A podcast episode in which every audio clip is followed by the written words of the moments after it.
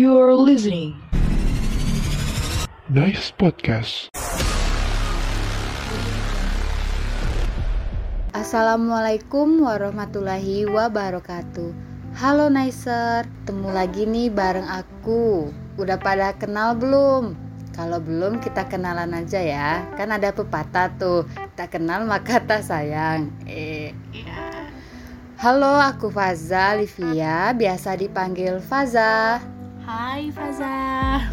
Dan tentunya dalam salah satu program kesayangan penyiaran Himikom, yaitu podcast. Nah, podcast kali ini kita akan bicara seputar olahraga catur. Baiklah, untuk mempersingkat waktu, aku akhiri saja basa-basi yang sudah terlalu basi ini ya. Oh ya, sebelumnya aku ada pantun nih buat bintang tamu kita. Waduh, apa tuh? Bangun pagi langsung olahraga, Asik. lari-lari keliling kota. Mhm. Kalau boleh aku bertanya, Nona cantik siapa namanya? Waduh, terima kasih Mbak Faza. Oke, eh, perkenalkan teman-teman, nama aku uh, Sirventia Mesarianti, biasa dipanggil V. Oke, ini kita manggilnya V atau Mbak V atau Kak? Eh, apa aja boleh sih. Apa kita boleh manggil sayang? Aduh, jangan dong. Oke, sebelum kita sharing, aku mau nanya dulu nih kabarnya Mbak V gimana? Eh, eh, terima kasih Faza. Eh, kabar baik, alhamdulillah. Eh, Faza, apa kabar nih? Alhamdulillah baik juga nih V. V tadi ke sini bareng siapa? Bareng Ayang? Waduh, sendirian doang nih. Sendirian. Dengar tuh Nicer. V sendirian tadi ke sini. Waduh. Oke, mungkin itu tadi ya, Nicer, perkenalan singkat oleh bintang tamu kita. Nah, selanjutnya ini yang paling kita tunggu, langsung aja kali ya. Eh, sejak kapan sih V mulai suka dan terjun ke dalam olahraga catur? Hmm, kayaknya sejak kelas 4 SD deh kayaknya Za. Eh, soalnya kan eh, pernah pengalaman dari main-main sama papa itu ke warung-warung. Jadi mulai suka dari sana kelas 4 SD. Oh, udah lama ya kalau dari kelas 4.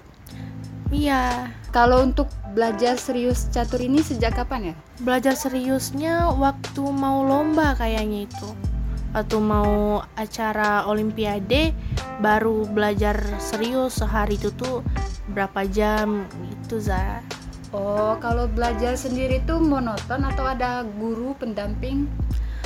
Eh, proses belajar waktu menghadapi olimpiade ke depannya tentunya harus ada pembimbing eh, dari papa mungkin dari orang yang fasih bermain catur atau bisa disebut dengan guru catur lebih kurang begitu. Jadi Papa V di sini juga suka main catur ya? Nah sebelumnya di keluarga V itu nggak ada yang bermain catur. Nah baru V sendiri nih pertama di keluarga V yang eh, bisa bermain catur. Oh, jadi V ini yang pertama gitu. Waduh iya nih. Oke, kalau untuk idola main catur V itu siapa ya? Misalnya kan kayak aku ini, kayak di dunia per K-popan ya. Waduh. Aku tuh Siapa suka tuh? sama itu EXO loh. Siapa sih yang nggak tahu EXO ya nggak? Oh. Kalau V di dalam catur itu siapa ya idolanya? Hmm, Judith Polgar itu pemain catur perempuan tercantik dan eh, IQ-nya tinggi tuh makanya eh, terfavorit deh. Oh, tercantik sama kayak V ya? Waduh, bisa aja nih. Eh, kenapa sih Judith Polgar tadi ya? Mhm, Judith Polgar. Eh, bisa V jadikan idola? Apakah termotivasi dari dia atau gimana? Hmm, iya, eh, memandang dari gender mungkin ya dia perempuan bisa membanggakan orang tua dan negaranya lebih tentunya. Nah, begitu lebih kurang Zah. Itu kalau waktu SMA itu sering ngikut lomba atau gimana? Waktu SMA nih, Iya. SMA catur. Uh, udah jarang sih terakhir di Prapon 2018. Itu kalau ada lomba kayak gitu kalau lagi belajar nggak terganggu atau atau ada cara lain? Nah, kalau itu uh, pintar-pintar kita itu za uh, waktu diseimbangkan di mana itu jam pelajaran, di mana itu proses latihan atau lomba itu harus di uh, sejajarkan gitu nah. Jadi kita juga harus bisa manajemen waktu ya? Ah, iya, hmm. betul. Oh, kalau untuk lomba catur yang pertama itu di sejak kapan dan di mana? Uh, lomba catur pertama kelas 4 SD di sekolah oh. seleksi. Kelas 4 SD waktu V suka sama catur langsung ikut lomba gitu. Iya, hmm. modal nekat doang oh. sih. Pernah nggak sih V itu lom ikut lomba olahraga lain kecuali catur gitu? Hmm, sejauh ini waktu dari TK mungkin ya namanya mungkin anak-anak ya ada lomba nari, lomba hmm. nyanyi, lomba fashion show gitu-gitu doang. Terus tapi kalau di SD ada lomba pidato sama lomba puisi. Selain olahraga sih itu di bidang seni. Oh, kenapa pengen nggak lanjutin aja di bidang seni? Kenapa lebih memilih catur? Hmm Waduh, tapi lebih seru yang dicatur sih kalau menurut V. Nggak tahu nih, ya, menurut Nicer gimana yang lebih seru? Eh, tiap orang beda pendapat dan itu ya, Betul. ya. Balik lagi ke catur nih, kalau persiapan yang biasa dilakuin itu apa aja sih? Um, itu sebelum lomba atau proses latihan? Kalau proses latihan biasa?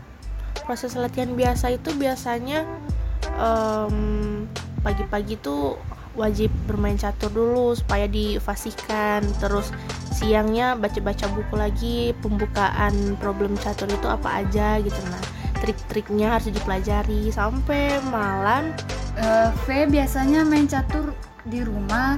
Kalau lagi di rumah itu sama siapa ya seringnya Oh, kalau lagi di rumah dibantu sama papa za.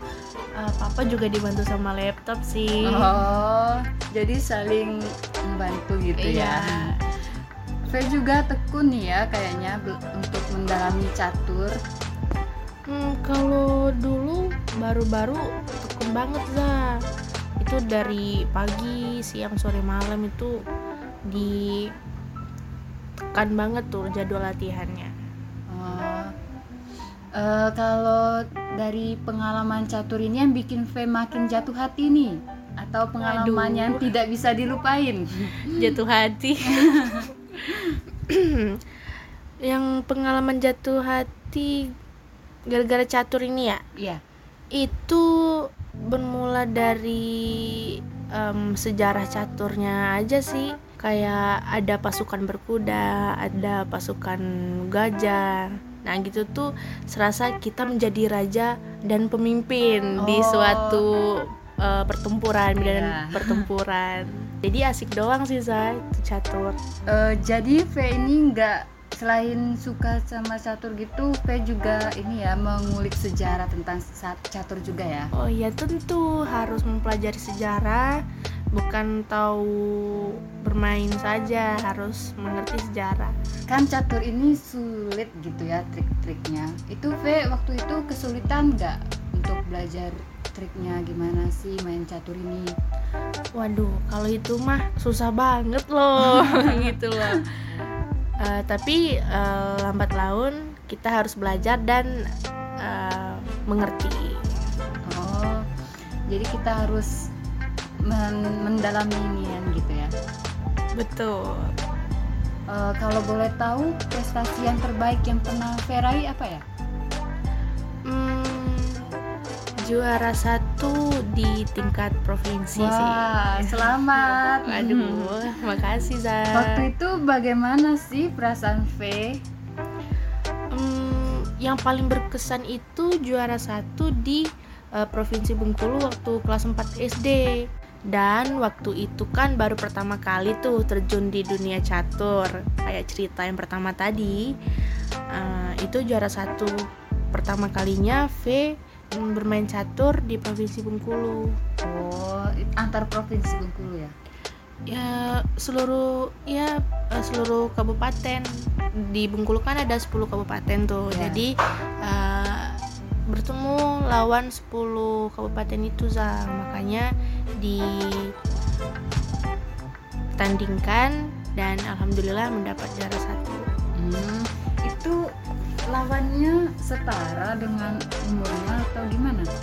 Iya, uh, setara dengan umur kan uh, sama-sama kelas uh, tingkat SD gitu. Nah, ada tingkat oh. SD, tingkat SMP, tingkat SMA. Jadi V ini masuk di uh, tingkat SD. Oh, jadi pertingkatan ya, tapi seprovinsi. Iya. Kira-kira motivasi apa sih yang bikin V untuk terus ikut lomba catur? motivasi V untuk uh, terus ikut lomba catur itu uh, menambah uh, jam terbang dan menambah teman di seluruh pelosok di Indonesia ini.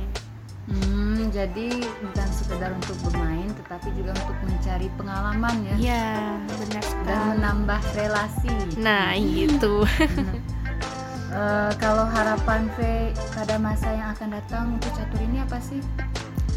Um, semoga pandemi ini tentunya kan uh, bisa mereda kembali seperti dulu lagi. Jadi uh, bisa bermain secara offline dan bertemu dengan teman-teman dari daerah, kabupaten, provinsi dan uh, negara mungkin. Kalau hmm. misalnya bermain di tingkat internasional kalau pandemi ini sudah mulai mereda dari V sendiri itu mau tetap melanjutin catur ini atau mencari kegiatan yang lain? Um, kalau um, pandemi ini sudah berakhir, mungkin V uh, akan mengikuti lomba catur secara offline, kembali bertemu teman-teman atau mungkin uh, bisa mencari kesibukan yang lain, contohnya uh, di organisasi di perkuliahan.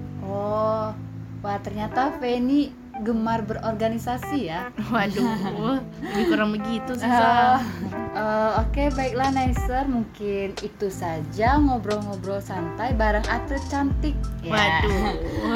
Semoga ilmu yang disampaikan itu bisa berguna untuk kita semua dan kita juga sebagai muda-mudi yang semoga ilmu yang disampaikan tadi berguna untuk kita semua dan mungkin ada sedikit penyampaian motivasi dari kafe untuk kita para Nicer. Silakan. Motivasi untuk para Nicer besar nih. Uh, tentunya kita para muda-mudi tetap semangat, terus berkarya dan selalu jaya. Oke, terima kasih Cafe atas sharing-sharing seputar pengalamannya dan motivasinya buat kita semua. Terima kasih.